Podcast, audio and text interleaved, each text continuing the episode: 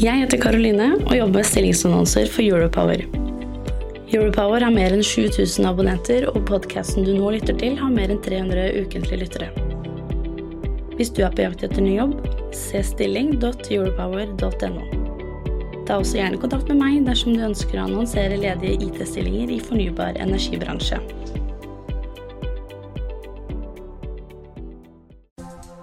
Du lytter til Energidebatten. Sendingen er produsert av Europower Partner i samarbeid med Microsoft, Soprasteria og Energi Norge. Redaksjonen i Europower har ikke medvirket i produksjonen. Hei, da er det nok en gang en glede for meg å ønske velkommen til Energidebatten og Europowers sending her i dag. Jeg heter Fredrik Kveen, jeg er markedssjef. Bak spakene i dag sitter Skjul Kristian Aamodt, som skal dra oss gjennom denne sendingen. På energidebatten.no så ligger vi ute nå og kjører live. Og for at man skal stille spørsmål, hvis du ønsker å stille spørsmål, så er det en liten sånn uh, chatboble nederst til uh, høyre. Så klikk på den, så kan du stille spørsmål, så får vi tilbakemeldingen på det. Energidebatten skal uh, som alltid eh, løfte debatten litt høyere opp og, og, på en måte være litt viktig i samfunnsagendaen. Og i dag skal vi snakke, og enda tydeligere skal vi snakke om beredskap og cybersecurity. Dette er temaer hvor nett og gjerne kraftverksjefer holder seg litt for ørene, fordi de skjønner egentlig ikke bæret av dette. De, de, de, ja, de blir fortalt at dette er viktig frem og tilbake, men de skjønner ikke noe særlig av det. Vi er i dag med et mobilt studio. Vi er hos Microsoft. Vi har blitt invitert å, å holde eh, seminarer hos Microsoft. Og eh, Microsoft eh, har jeg gått litt i og sett eh, hvor mange tilbakemeldinger de får hvert eneste døgn eller sekund eh, på om vi er sikre i forhold til eh, cyberattack med mer. Og de styringssystemene og de overvåkningene som de har, det er 82 000 e-poster som blir sjekket i sekundet. Og da snakker vi 24-7. Det er rundt 5 millioner e-poster kun uh, i, i, i, minuttet. Enormt. Vi skal høre mer fra Ole Tom på Microsoft senere. Først skal vi presentere de deltakerne vi har med i dag.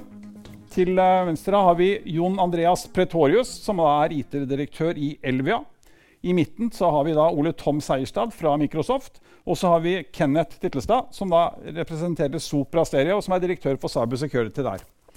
Som alltid så får de lov å presentere seg selv. Og nå skal vi begynne med Jon Andreas. Kan du si litt om hvor, hvem representerer du i dag?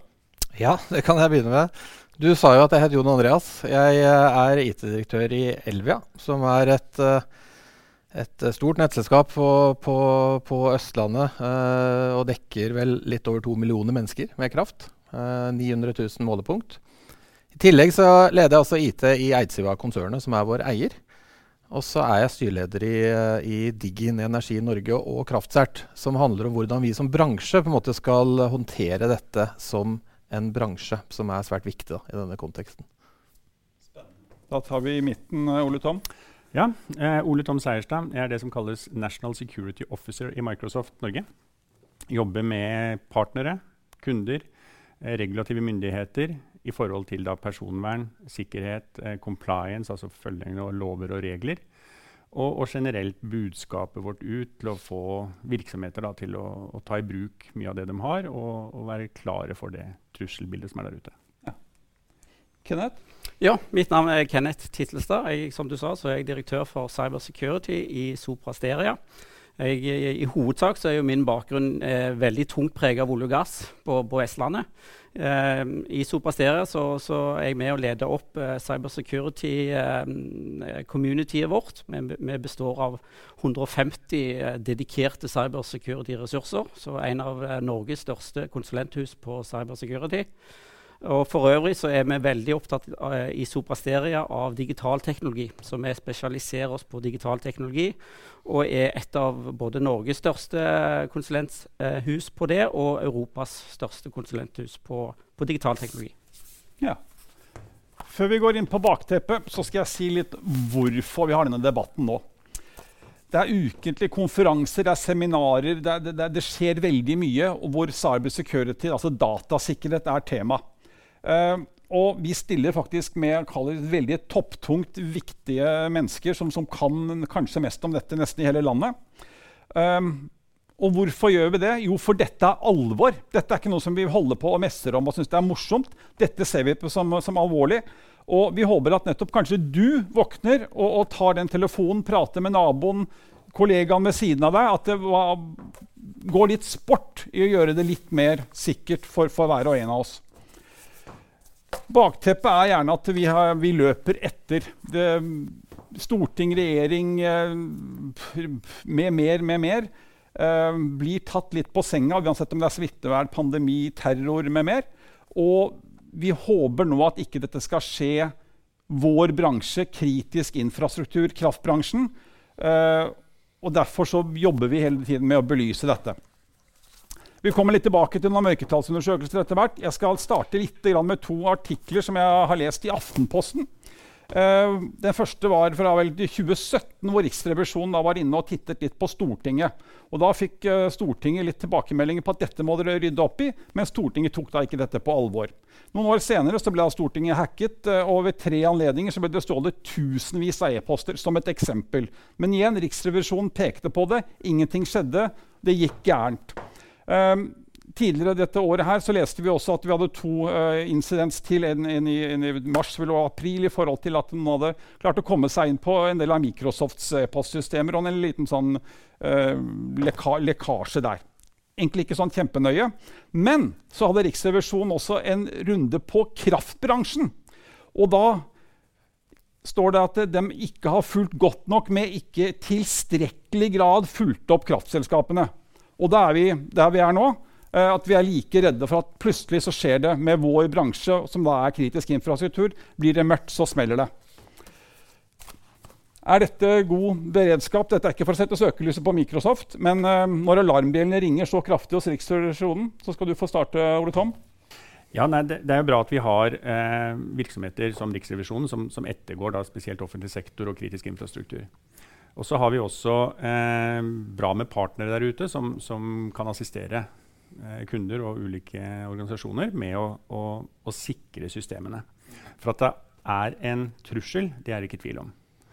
Og vi ser mange ulike typer aktører, og kraftbransjen eh, vil nok kanskje treffes av flere av dem. Både i forhold til eh, spionasje fra, fra, andre lands myndigheter. Vi ser aktivt, aktiv angrep fra, fra, land som Russland, Kina, Iran.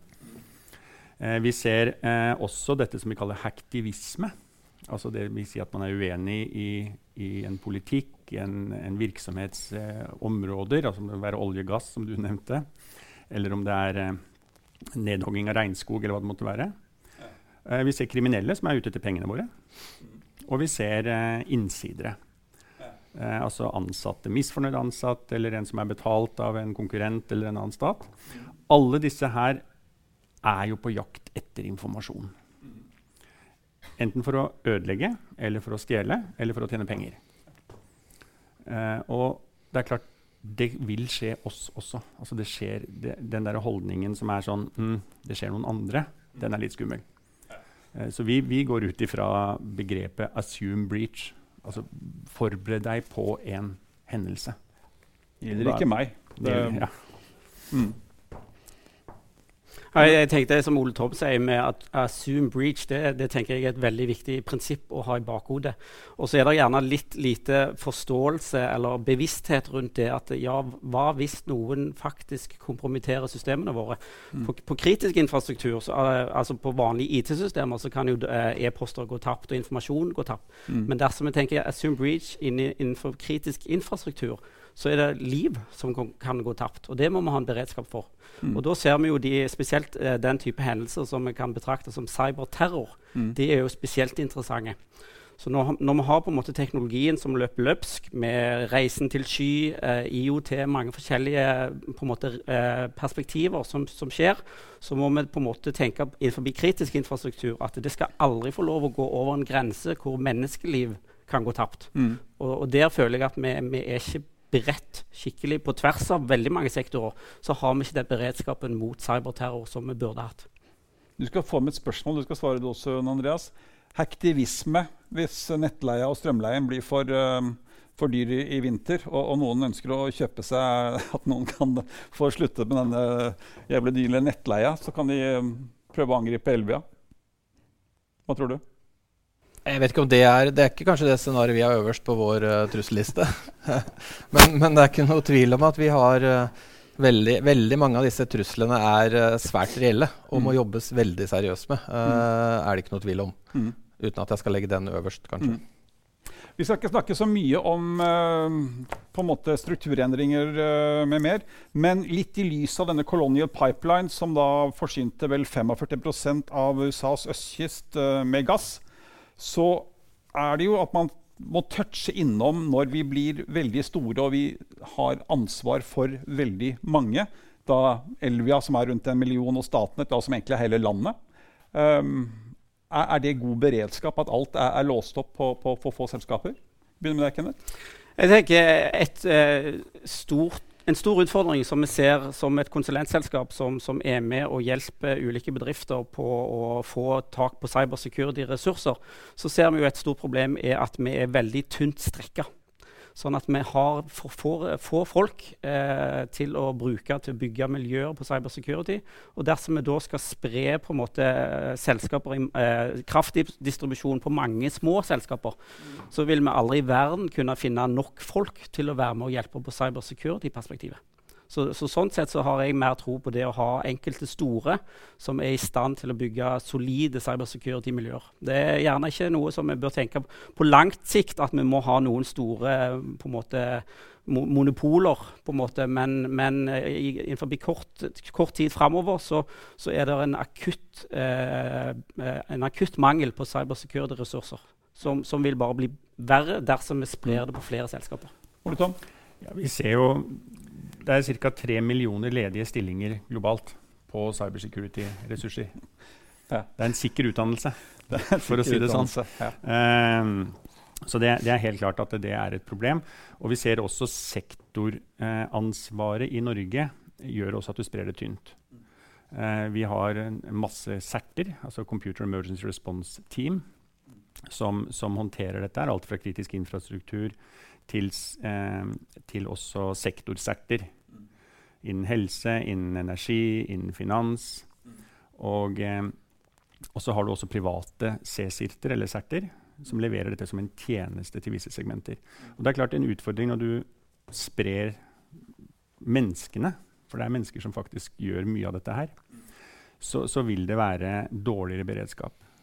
Uh, det er ikke sikkert du har folk nok til å kjøre en 24-7-overvåking. og hvis vi snakker, Disse angrepene kan komme hvor som helst fra i verden. Uh, vi ser uh, statsdrevne angrep har arbeidstid. Altså De kommer på jobben. Så Justert for tidsforskjeller så er det fra åtte til fire de er aktive. Og det er ikke åtte til fire her hos oss. Det kan være midt på natta. Og, og da bør man også tenke at man skal ha en beredskap 24-7 hele døgnet, hver eneste dag i uka. Og da er det et problem, som du nevner. Altså, vi, vi, vi, har ikke nok mennesker til det for å, å dekke det opp, og, og, kanskje sentralisere litt av den. Vi skal komme tilbake til det, for det er veldig det er relevant. Har du noe på det? Ja, ja, altså det jeg tenker i hvert fall er relevant. Vi er jo et uh, stort selskap, i hvert fall i norsk uh, målestokk. Og, og, jeg tenker at, at, cyber og god håndtering av cyber er et litt sånn mangehoda kompetansetroll. Det handler ikke bare om de rene cyberressursene. Det handler om evnen din til hvordan du utvikler, hvordan du håndterer data, standardisering, partnerevne, uh, samarbeidsevne, anskaffelsesstrategier. Her er det utrolig mye kompetanser som skal spille på lag for at denne hele pakken skal virke. Og der tror jeg i hvert fall man som et uh, større selskap opplagt har større kapasitet da, uh, og mer kraft uh, til, å, til, å, gjøre det på en god måte. Men så skal jeg være forsiktig med å si at de små selskapene er mindre sikra. Det finnes sikkert samarbeidsformer og ting å løse ting på. Men, men, jeg opplever at vi er sterkere som stort selskap. Og så er vi kanskje noe mer attraktive, at det øker risikoen noe. da. hvis man på en måte skal se hele spekteret. Ja, men i, i forhold Kan man ta ut Elvia på ett punkt? Nei, du kan ikke ta ut Elvia på ett punkt. Nei. Så ved et angrep på stedet så, så, så stopper ikke strømmen til 1,2? Nei. Eller to millioner mennesker. Nei, to millioner. Nei, det skal det ikke gjøre, da. Og så er det jo, jo men, men, det er relevant, da. For det, det, er litt så vanskelig å sitte og si nei òg. For det akkurat sikkerhet og cybersikkerhet og de truslene vi møter, så er vi også opptatt av å si at vi, vi kan ikke si nei, egentlig. Da hopper vi rett, rett over på det. Uh, for truslene er, er mange. Um, under en militærøvelse i Finnmark, om det var en Nato-øvelse, hva det var for noe, så, så, ble det meg fortalt at da var russerne litt sånn småirriterte. Så de tok ut alle mobilmastene på hele Finnmarksvidda. Det var helt svart. Og da er vi over på Hvis disse type APT228 Fancy Bear eller Lazarus, som da heter Sophisticated Hackers, eh, også vet at det er rundt åtte hvor mange sånne bjørner som finnes. da, Sånne berer som de kaller, som er i armlengdes avstand på, på, de som ønsker å ramme oss av fiendtlige stater, uansett om det er Putin eller, eller hvem det er for noe. Det, det, vet ikke jeg, men dette er blad omtale. Vil de klare det, Kenneth? Definitivt. Disse 28 bjørnene som det snakker om APT-28, er spesielt interessante. da. Men, men en, jeg tenker at det som er beskyttet nede i kritisk infrastruktur, det er jo PLS-er, det er eh, gamle Windows-maskiner, det er gammelt IT-utstyr. Og sånn som jeg har kjent, blitt kjent med det på tvers av ulike industrier, så ser jeg at det er veldig dårlig sikra. Det har aldri vært tenkt på at disse her skal være bygd med cybersecurity. Disse her eh, dingsene skulle, bygge, skulle gjøre automasjon automatisering. Sånn at eh, en, en, bruker gjerne bilder om at dette er, en, eh, det er på en måte som en kokosnøtt. Det er hardt utpå, og så er det gjerne ingenting inni, eller det er mykt inni. Men for min del så oppfatter jeg det mer som en sånn fersken. Det er litt sånn mykt utpå og veldig squish inni. Så jeg, jeg tenker det at APT28 og det er eh, fruktfat, Nation States, hvis de sikter på deg, så blir du tatt. Uh, assume breach. Ole Tom? Ja, nei, altså det IOT, som du snakker om her, er jo også klart en bit i det. og mange av disse enhetene, altså Et, et kraftverk kan stå i, i, årevis og gjerne ikke byttes ut på 20-30-40 år. Eh, og man finner ut at det kan være smart å koble disse til Internett for å få en bedre kontroll og styring. Og det Vi ser er jo, vi har sett opp såkalte honeypot, altså honningkrukker, for IOT-devicer, og vi ser en betraktelig økning på det. Altså Man forsøker å angripe da styringssystemer, om den kontrollerer en ventil eller om den kontrollerer en pumpe eh, som, som, er et enkelt angrep. Og da er vi egentlig inne litt på dette her med verdikjedeangrep, altså supply chain.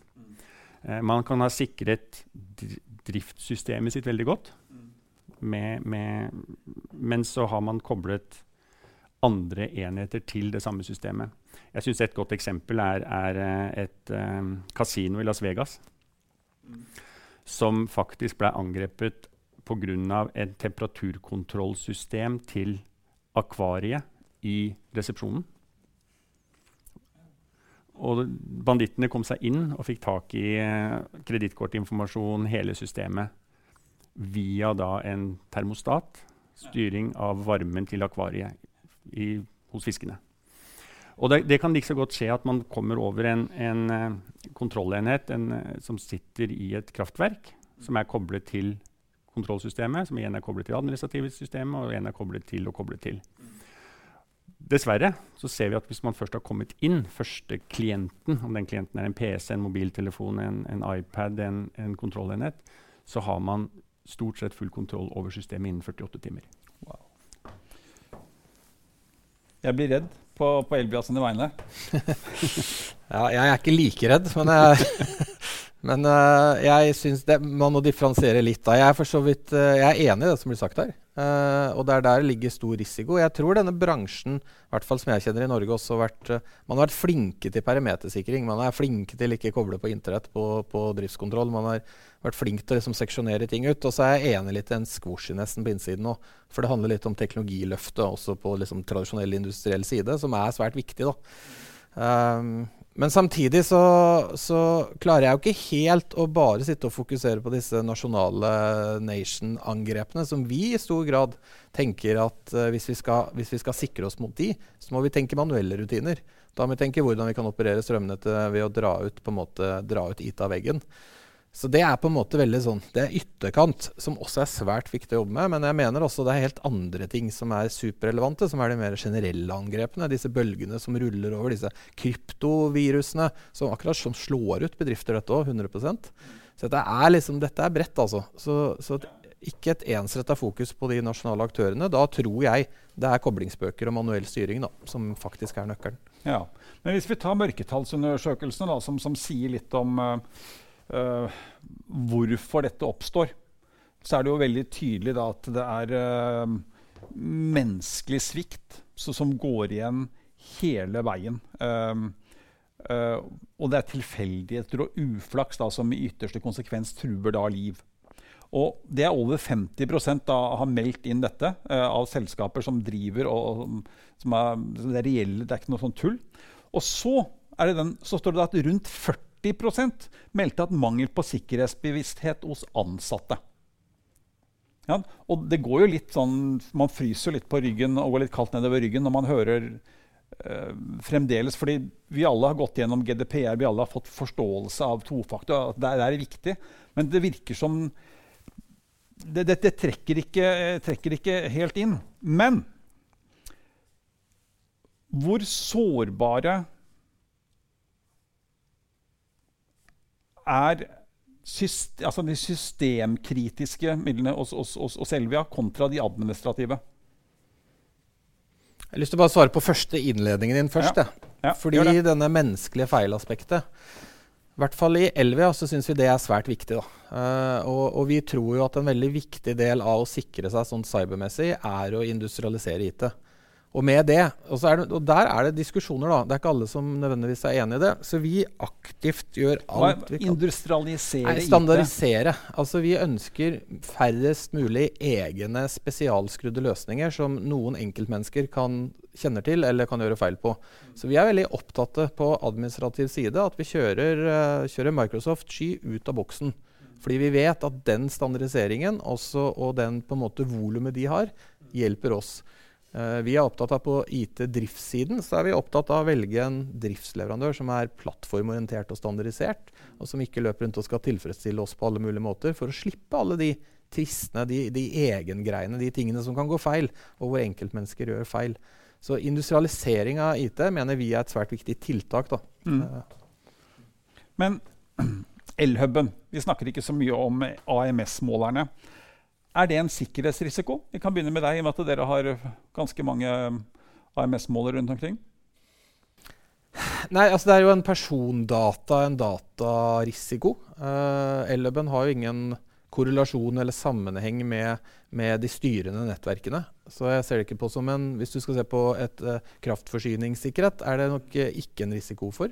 Men det er klart at de sitter med informasjon om kundene og deres forbruk. Kanskje mer persondataorientert.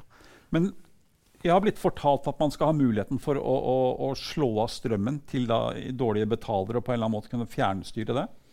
Nei, for det, i dag så er det bare nettselskapene som kan gjøre det på sine egne kunder. Det gjør ikke strømleverandørene. Så det er ikke noe funksjonalitet på noe bryterstyring. Ja, men Elvi er et nettselskap. Ja, Så vi kan styre brytere. Ja, og, og det, er, det, er, det vi snakker om. Ja. Så hvis man da kan uh, komme inn og styre bryterne og rett og slett gjennom AMS-måleren stoppe x antall uh... Ja, nei, Det er korrekt. Det har ikke noe med Elhub å gjøre. Men, men, men, det er klart at det er et av de scenarioene vi har veldig høyt på listen vår.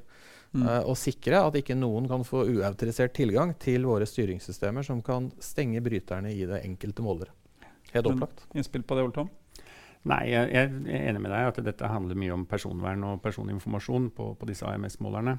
Eh, og så tenker jeg det er vel ikke kobla til person når du dusjer om morgenen eller når du lager middag. Det er, ikke de, det er ikke de, mest sensitive informasjonene som, som, som kan komme på avveie. Nei, jeg, jeg, er også enig i at det ikke er sensitivt. Men det er nok delte meninger om det også. Ja, så At du har et høyere eh, forbruk gjennom døgnet.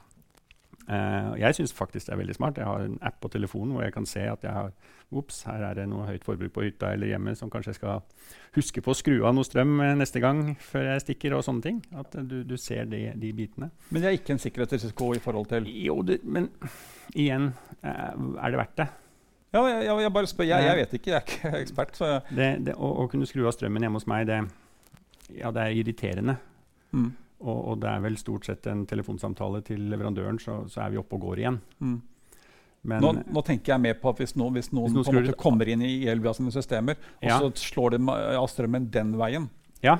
Eh, det er klart, det er jo en, en del av kritisk infrastruktur. men på hver enkelt AMS-måler så, så, er det ikke så stort problem. Det er vel mer hvis de slår ut et helt område. Ja. Mm. Som en uh, lynnedslag i en trafo eller slike ting. Ja. Uh, som et, et, større problem. Nå skal vi ha en kjapp runde. Et par kjappe spørsmål. Det er korte svar. Start med deg, Kenneth. Hvor er vi mest sårbare? Kritisk infrastruktur. Generelt på tvers av alle sektorer.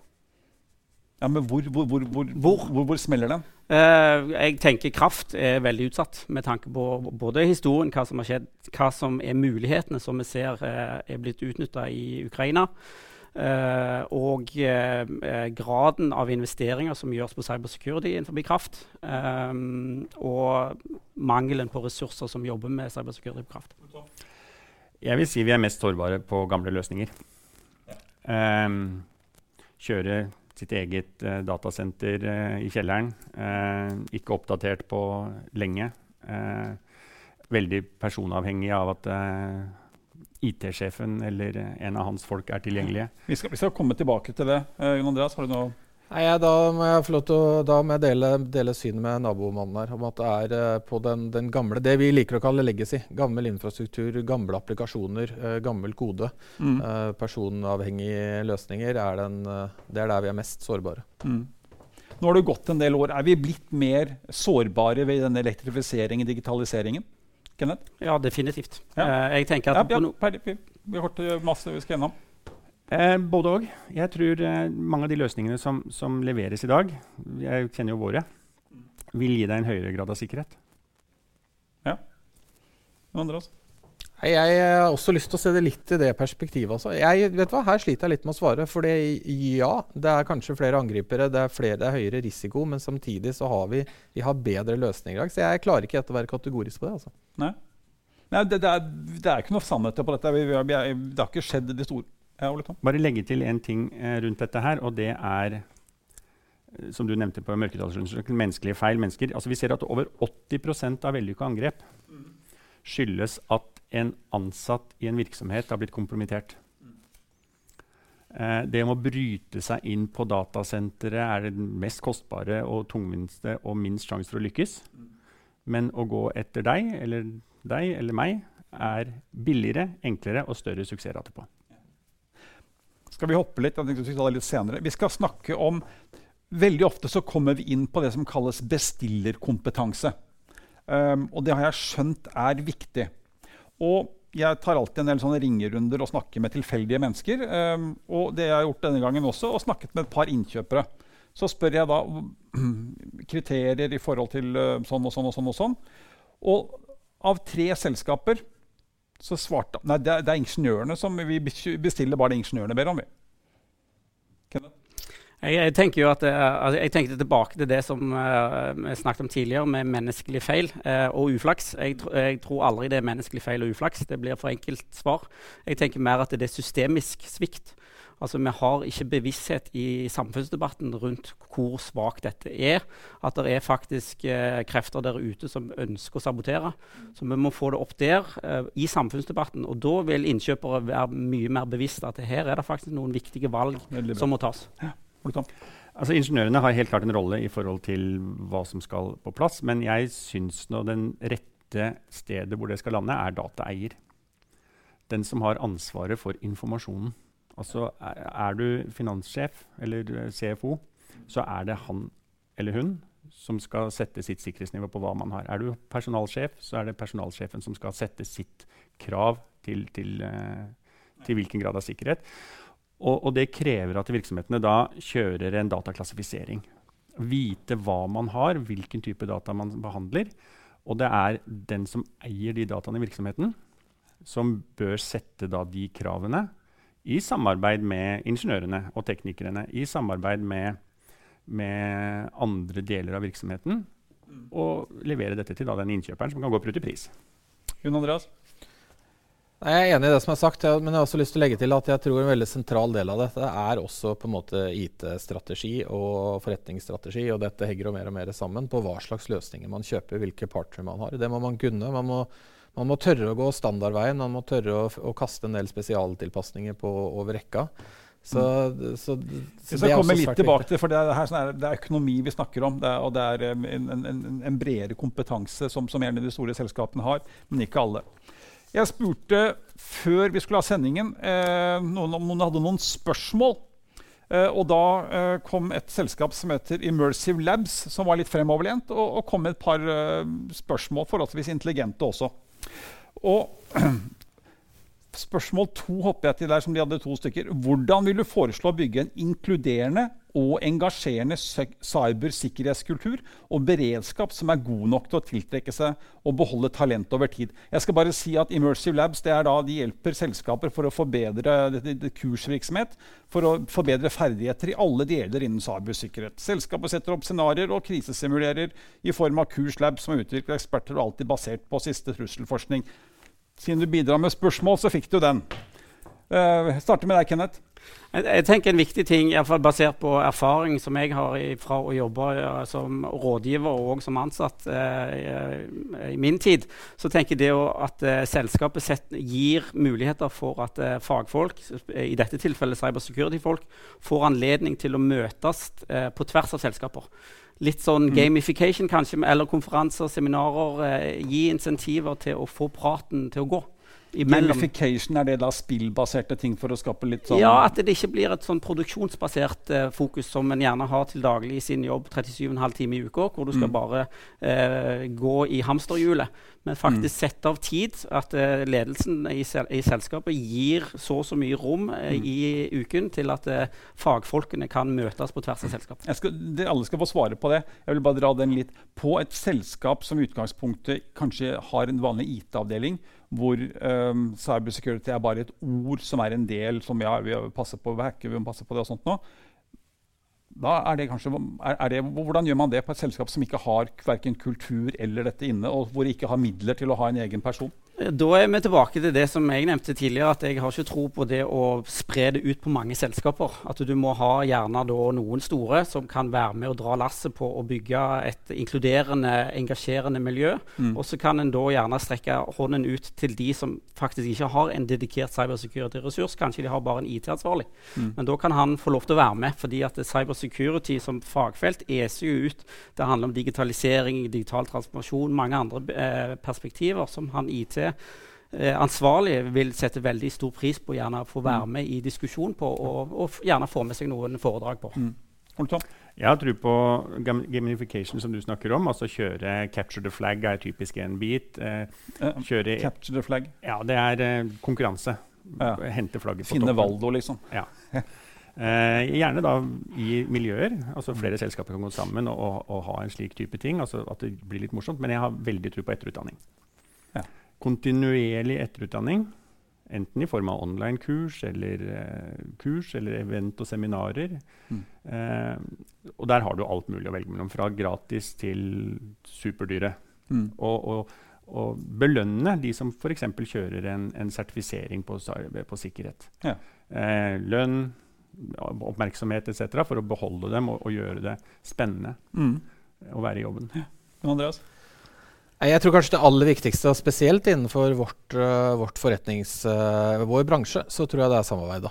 Jeg, og, det er alt fra kraftsert, som var vel her sist, uh, til selskapssamarbeid, leverandørsamarbeid, partnersamarbeid. jeg tror det handler om For dette er ikke konkurransefortrinn. Dette må vi løse i fellesskap. Og det er det som også på en måte det vi bringer kompetanse ved at folk jobber sammen, uh, og det vil også gjøre det relevant og interessant å jobbe med å på en måte løfte hele bransjen. Så jeg, dette er ikke dette er bransjeutfordring, dette er nasjonalutfordring. Ja. For det er jo noe nytt. det er ingen, altså, De fleste selskaper i dag er ikke noe kultur for det enda, bortsett fra hos, hos dere som på en måte har jobbet med dette over lang tid. Um, så, så, og, og, ja, det, er, det, er, jo generelt på, på kalle det 70 av uh, bransjens kraft- og energiselskaper, så er det ingen kultur for dette. Punktum. Nei, Det har jeg lyst til å, lyst til å arrestere deg litt på. Så bra. Det gleder meg. Nei, for jeg, jeg, altså, sik sikring av driftskontroll, sikring av uh, altså anonymisering, skjerme, det har vært fokus på veldig veldig lenge. Og jeg, vi har heller ikke hatt noen store hendelser i Norge. Så det, det å på en måte kritisere det som har vært, tror jeg er dumt. For det tror jeg man på en måte skal eh, belønne. Men det som skjer nå, er en taktendring. Uh, man, man, det er ikke den gamle teknologien som gjelder lenger. Det er andre kompetanser som gjelder. Det er mer komplekst, det er mer bredt. Uh, digitaliseringen, elektrifiseringen, gjør at det er helt andre løsninger. Vi, vi er ikke innelukka monopolet lenger. Vi skal virke sammen i økosystem. Du åpner masse barrierer.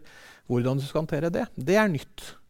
Og det er ny kompetanse, og det er nye måter å jobbe på, nye måter å tenke cyber på, tror jeg. Så, Og det er det ikke noe kultur for. Det har vi kanskje ikke nok kompetanse om. Det er ikke tenkt nok på. Um, og, og så, så, fremover er jeg enig med deg, men bakover har jeg bare lyst til å forsvare litt de som jobber med sikkerhet i bransjen. Det drar oss litt inn på, på, på øvelser beredskap. Uh, og så har jeg touchet det inne så vidt i, i, begynnelsen. Så kan vi starte med, med, at du sluttet. Når hadde dere sist en cyber security intern uh, beredskapsøvelse hos dere? Nei, En cyberøvelse skal jeg vel innrømme at det er en stund siden vi har hatt. Jeg, vi gjør jo jevnlige penetrasjonstester og en del sånne andre ting som kanskje du kan kalle en cyberøvelse. Uh, men en ordentlig uh, beredskapsøvelse jeg vel, kan jeg vel ikke sitte og si at vi har hatt. Jeg har lyst til å si at vi, vi har besluttet og er i planlegging av en akkurat nå, bare for å forsvare oss litt. Veldig bra. Ole Tom? Vi hadde vel en uh, på datasenter for to uker siden, tenker jeg. Mm. Det er kontinuerlig. Vi vi har det som kalles Red Team, Blue Team internt i Microsoft. Altså et rødt team som har blankofullmakt til å prøve å hacke oss selv. Og et blått team som skal beskytte oss. Ja. Og de endrer, bytter rolle litt innimellom. Så, så, Red Team har, det er fulltidsansatte som har som jobb å prøve å bryte seg inn. Så kult. De kan stjele telefonen min, de kan ta Ja, de har lov. Ja. De har blanko. Kjempe. Kenneth? Vi hadde for uh, eh, tre uker siden. Men eh, vi ser at vi må gire opp. Vi må jobbe mer med beredskapsøvelser oftere og gjerne mer ulike beredskapsøvelser. Mm. Da er vi litt over uh, på generelt beredskapsøvelser. Og det skjer ofte i regi av DSB, Direkte for Civil, Direktoratet for sivil beredskap. Um, og så har jeg blitt da fortalt at dette er gjerne rettet mot ett segment. Om de kjører kraftbransjen, så, så, så, så har de en beredskapsøvelse ut på det, kanskje i Buskerud f.eks. Um, og så, jeg, um, så, så, vet jeg at hvis, hvis, det blir mørkt, så er vann og kloakk, helse Absolutt alt stopper opp. Det er, det, er, det er, total katastrofe.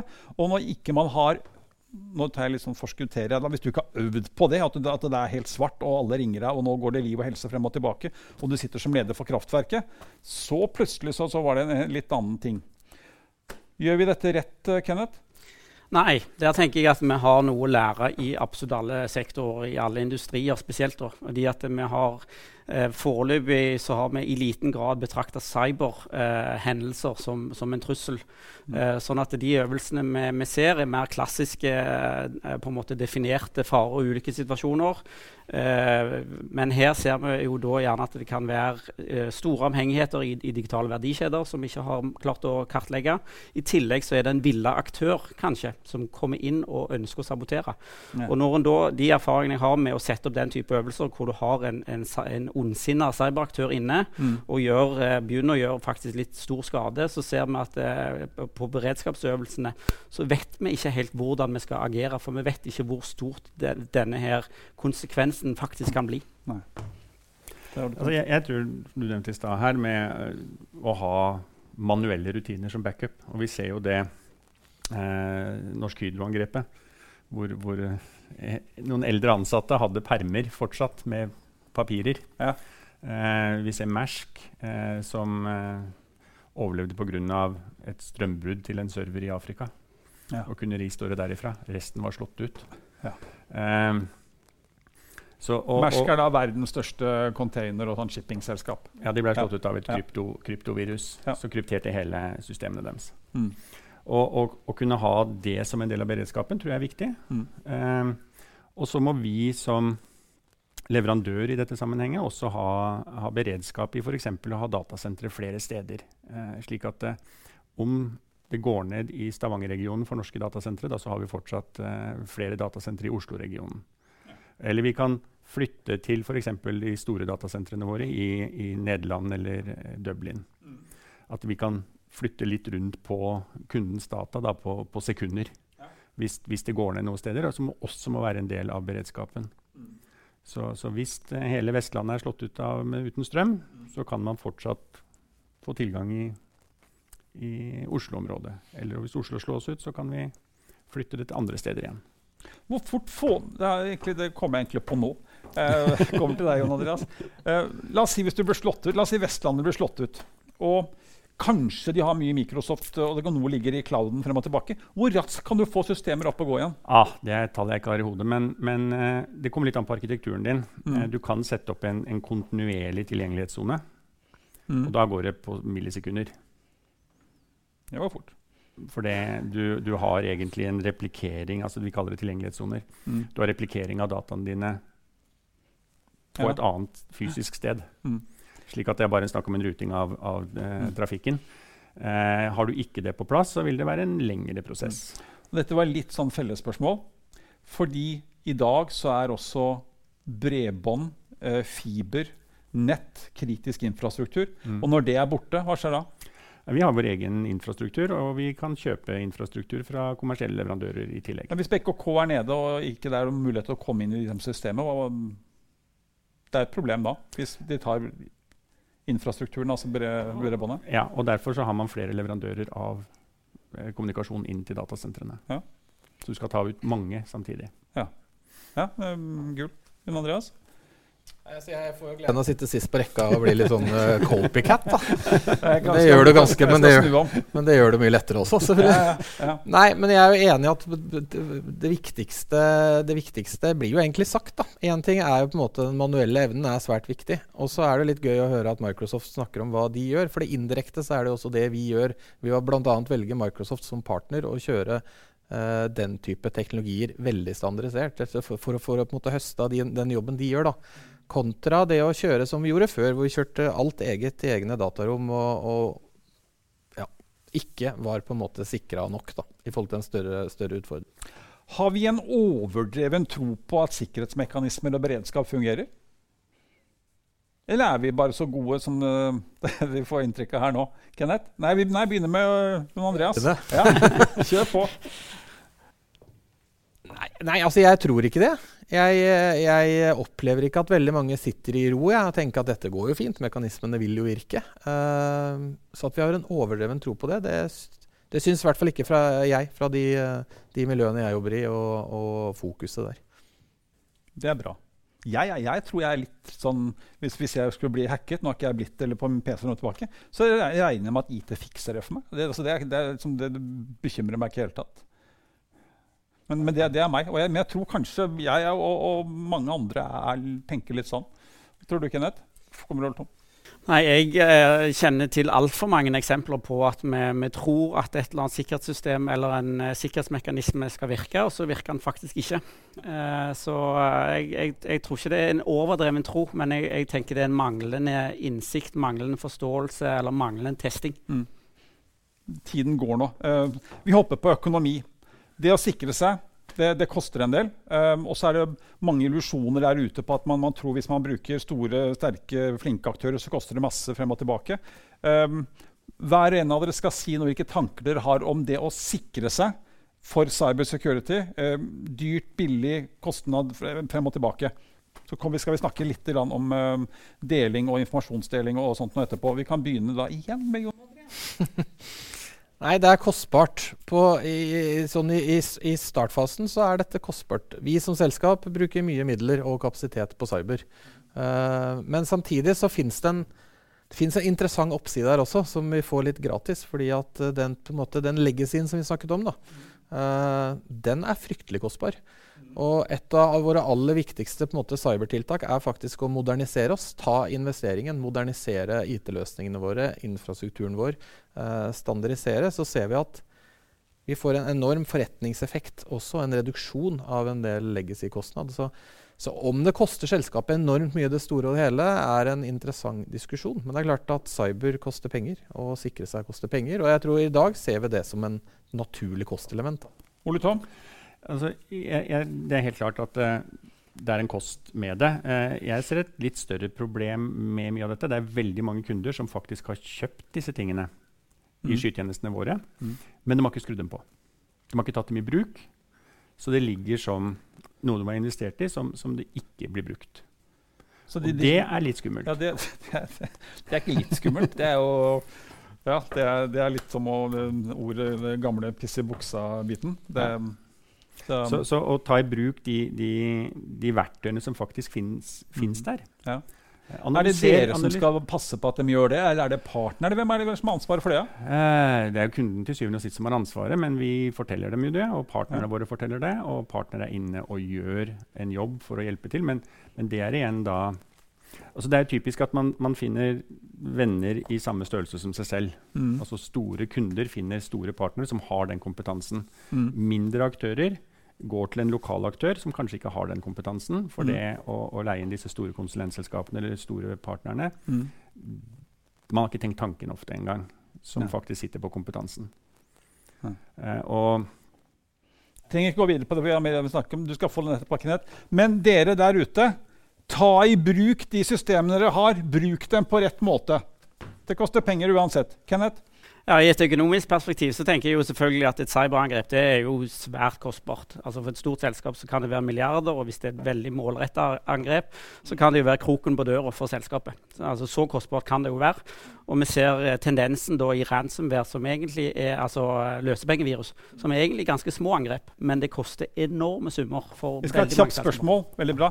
Bruker vi ressursene, pengene, på de rette tingene? På det som er viktig? Kenneth, igjen med det. Eh, mm, ja, altså det er nå en, en stor tenden, trend i å prøve å forstå cyber. Og det tenker jeg er veldig god, godt investerte penger.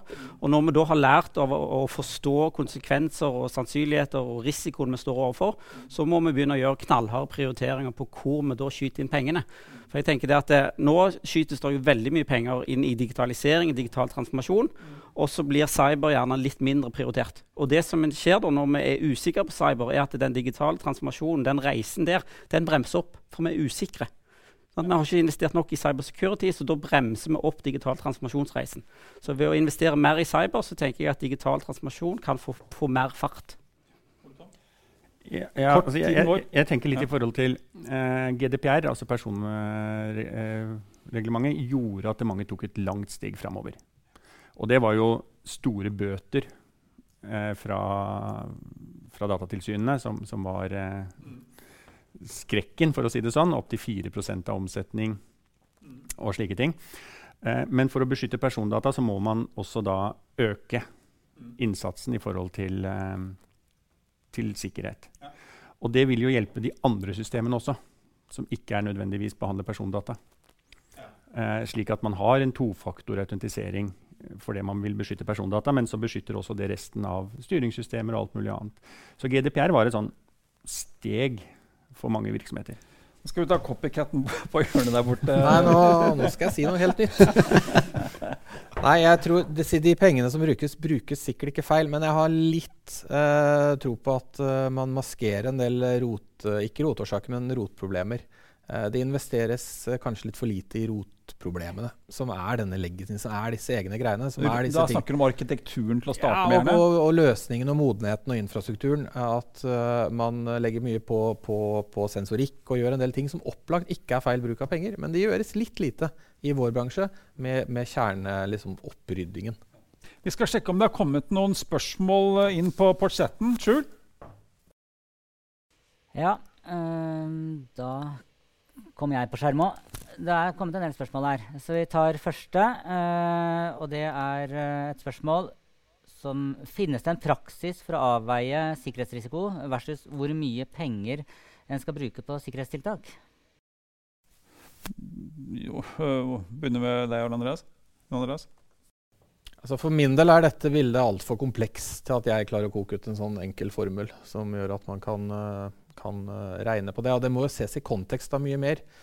Mye av den moderniseringen man kan gjøre for å ivareta cyber på en bedre måte, kan også gi ganske store forretningsutviklingseffekter og kostnadsbesparelseseffekter i virksomhet. Så for meg er dette for komplekst til å svare enkelt på. Har du Tom? Jeg er litt enig. Nå er ikke jeg noe ekspert på kostnader og lisenser og slike ting, men, men generelt så vil jeg si at å følge de internasjonale rammeverkene, om det er fra ISO eller NIST eller NISA eller hvem det måtte være, Mm. eh, er en god start som gir deg en, en god fundament for sikkerhet. Eh, jeg sitter som arbeidsgruppeleder i Norsk elektroteknisk komité i en cybersecurity-gruppe hvor vi sitter med en standard som jeg har veldig god erfaring med kan hjelpe på vei. Mm. Det er IEC 62443. De har, de har en, en, en, delstandard som ha, handler veldig mye om å gjøre eh, grundige risikovurderinger og prioriteringer. Og sette targets. Så, så, det tror jeg kan hjelpe på tvers av sektorer egentlig, mm. til, å, til, å, besvare akkurat den problemstillingen. Flere spørsmål sjøl? Yes, uh, da er det spørsmål her. Uh, hva er gjennomsnitt antall dager et virus eller trojansk, virus eller trojansk ligger i datasystemene?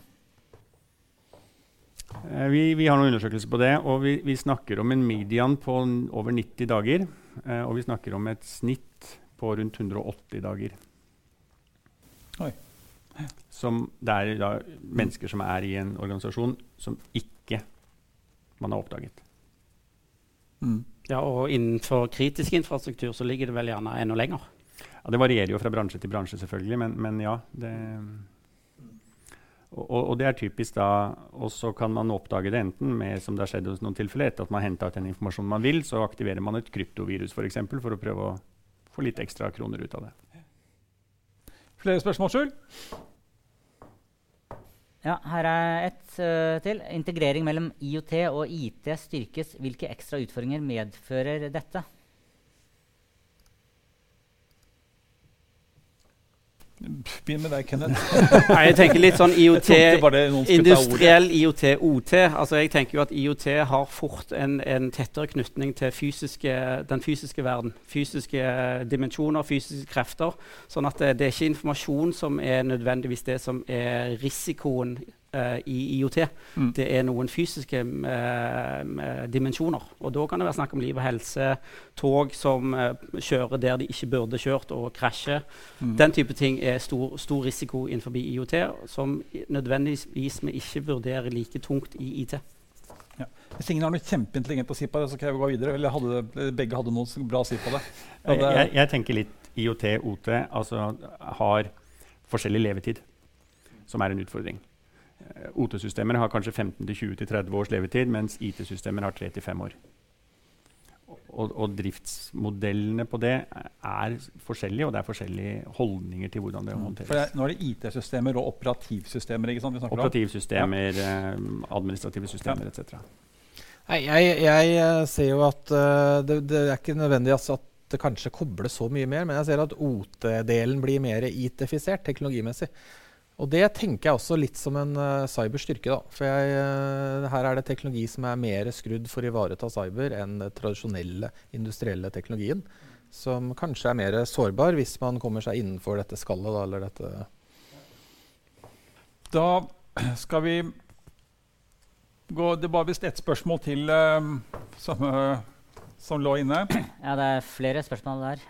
men det er en som påpeker at, at uh, det er, DSB sine øvelser er på tvers av sektorer. Altså, det finnes spesifikke myndighetskrav, uh, beredskapsplaner og osv.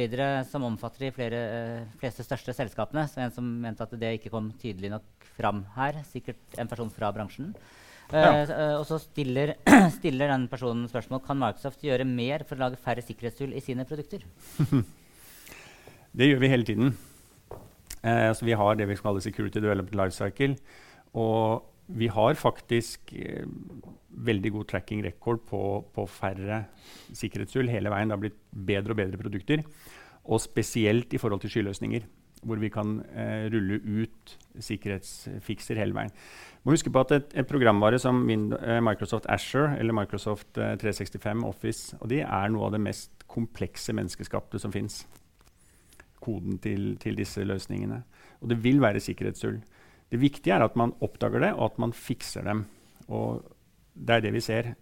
Konsek nesten konsekvent så er de som blir angrepet, har ikke oppdatert når vi har sagt at du skal oppdatere. Veldig bra.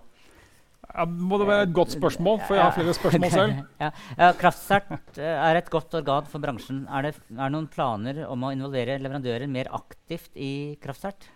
Den kan Jon Andreas få starte med. Ja, nei, Det tror jeg er svært relevant for Kraftsert, og, og noe vi i Kraftsert også skal sånn taktisk snakke mer om. Jeg tror uh, opplagt at partnerskap også på leverandørsiden er svært viktig. Så svaret på det er vel egentlig ja, uten at vi har hatt et uh, eget styremøte på det. Ja. Da fortsetter jeg herifra, for er, da er vi inne på samarbeid. Og det er, uh, det er ikke at jeg har den som en kjepphest, men det nesten alle jeg snakker med, opplever at kraftbransjen og type da, nå skal jeg ikke kalle det kraftserten, da, disse miljøene, som gjør at når et eller annet skjer, et angrep eller på en eller annen måte, så er det en mangelfull eh, kommunikasjon i forhold til deling, problemløsning med mer. Kenneth, du kan begynne på den. Ja, jeg tenker det, det, For å få det skikkelig i, opp i samfunnsdebatten, så er det svært essensielt at en får til større grad av deling. Jeg har altfor mange tilfeller uh, selv, og òg hørt fra mange andre, at når en jobber i ulike bedrifter, så skjer det ulike hendelser. Og dersom en avdekker hva det faktisk er, så er det mangelfull deling. En legger lokk på, på, saken. eller enda verre, sånn som med GDPR. Kort, kort, kort, ja. Deling er helt klart viktig, og det er helt essensielt for å få dette her. For det, det er komplekst. Mm. Og i Norge, f.eks., den, den jobben som NCSE gjør, altså NSM mm. sitt, uh, sitt operasjonssenter, mm. hvor de har invitert da både aktører som Kraftsert, Justissert, Helsesert, uh, og også kommersielle selskaper som Microsoft og, og Cisco og Equinor. Mm. Ja. For, for, delingsutveksling og arbeidsplasser som er tilgjengelige for, for partnere. Ja, Kjempebra. Andreas? Het, altså Deling av åpenhet er det som eh, det er en enormt viktig faktor i å lykkes med dette punktum. Uh, og jeg har bare lyst til å si at og Derfor er også disse i vår bransje, disse samarbeidsforaene som Diggin Kraftsert, hvor bransjen møtes og snakker sammen, mm. er så enormt viktig. Og der skjer det masse annet også, i forhold til nettverk og kompetanseutvikling og kompetansedeling. Så er, jeg mener dette er en utrolig viktig del av det. Veldig bra. I morgen så er det mange som får telefon, eller sikkert har fått telefon, men da får vi vite alle ministrene som kommer opp. Hvis du da på, i morgen får beskjed om at du er den nye cyber security-ministeren i, i, Norge, Andreas, hva er det første du tar tak i? Da er det første jeg har gjort, var å prøve å finne en erstatter så raskt som overhodet mulig, tror jeg. Nei, da ville jeg anlagt en, åpen, en åpenhetspolitikk. ville jeg gjort da. Ja, veldig bra. Ole Tom? Jeg tror jeg ville sett litt på dette her med mindre segmentering og mindre eh, celler. Mer samle miljø. Ja. Men vi er et langstrakt land. Det er mange, Nå prater vi inn i spesielt kraftbransjen. Fra nord til sør. Er det, lar det seg gjøre? Ja, det vil jeg tro. Ja. Det er det samme trusselbildet. Ja. Kenneth? Jeg tenker absolutt åpenhet, og og uh, undersøkende og gravende initiativer for, for, å forstå trusselbildet, for å forstå hvor svak, svake er vi på kritisk infrastruktur. Men hva, hva, hva, er det første du bestemmer? Du er minister. Det er Eh, Sette av mer midler til, eh, til eh, å gjøre, uh, skape samfunnsdebatt, skape mm. forståelse for eh, trusselbildet. Når får vi en lignende Tiber, altså finanstiber, hvor man har en, en forholdsvis noe som man mener funker. da, Jon Andreas?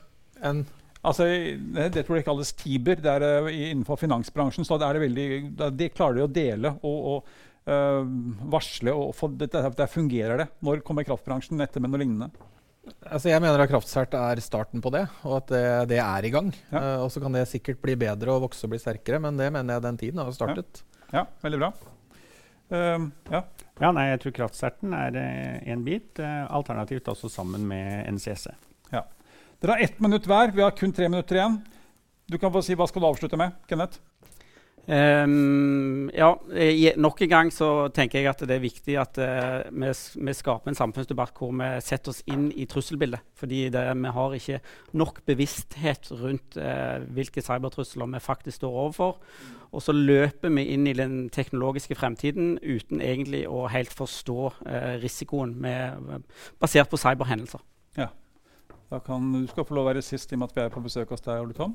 Jon Andreas? Jeg tenker jeg, må, jeg får gleden av å snakke bare om, om, den bransjen jeg jobber i. Og jeg tror det er to faktorer som gjelder. Da. At vi som bransje vi er, vi er, nødt til å ta dette på alvor, ordentlig på alvor. Dette må vi fokusere på, dette må vi jobbe med. Dette kan vi på en måte ikke vente med å gjøre noe med et år til.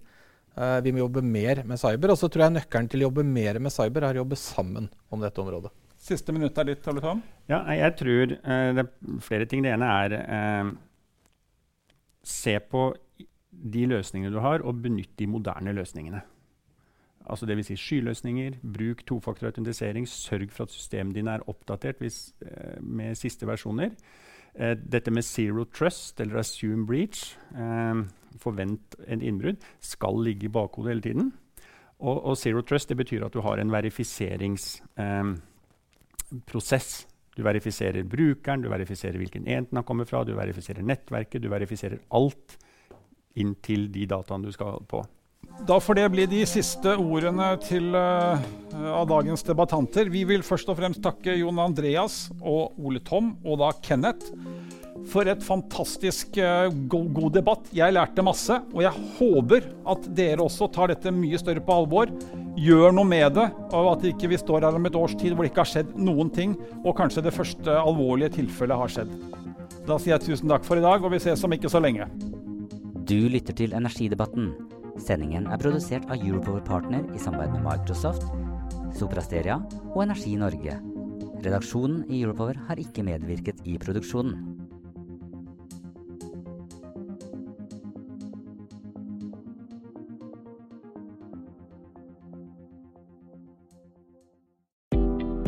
Jeg heter Karoline og jobber med stillingsannonser for Europower. Europower har mer enn 7000 abonnenter, og podkasten du nå lytter til, har mer enn 300 ukentlige lyttere. Hvis du er på jakt etter ny jobb, se stilling.europower.no. Ta også gjerne kontakt med meg dersom du ønsker å annonsere ledige IT-stillinger i fornybar energibransje.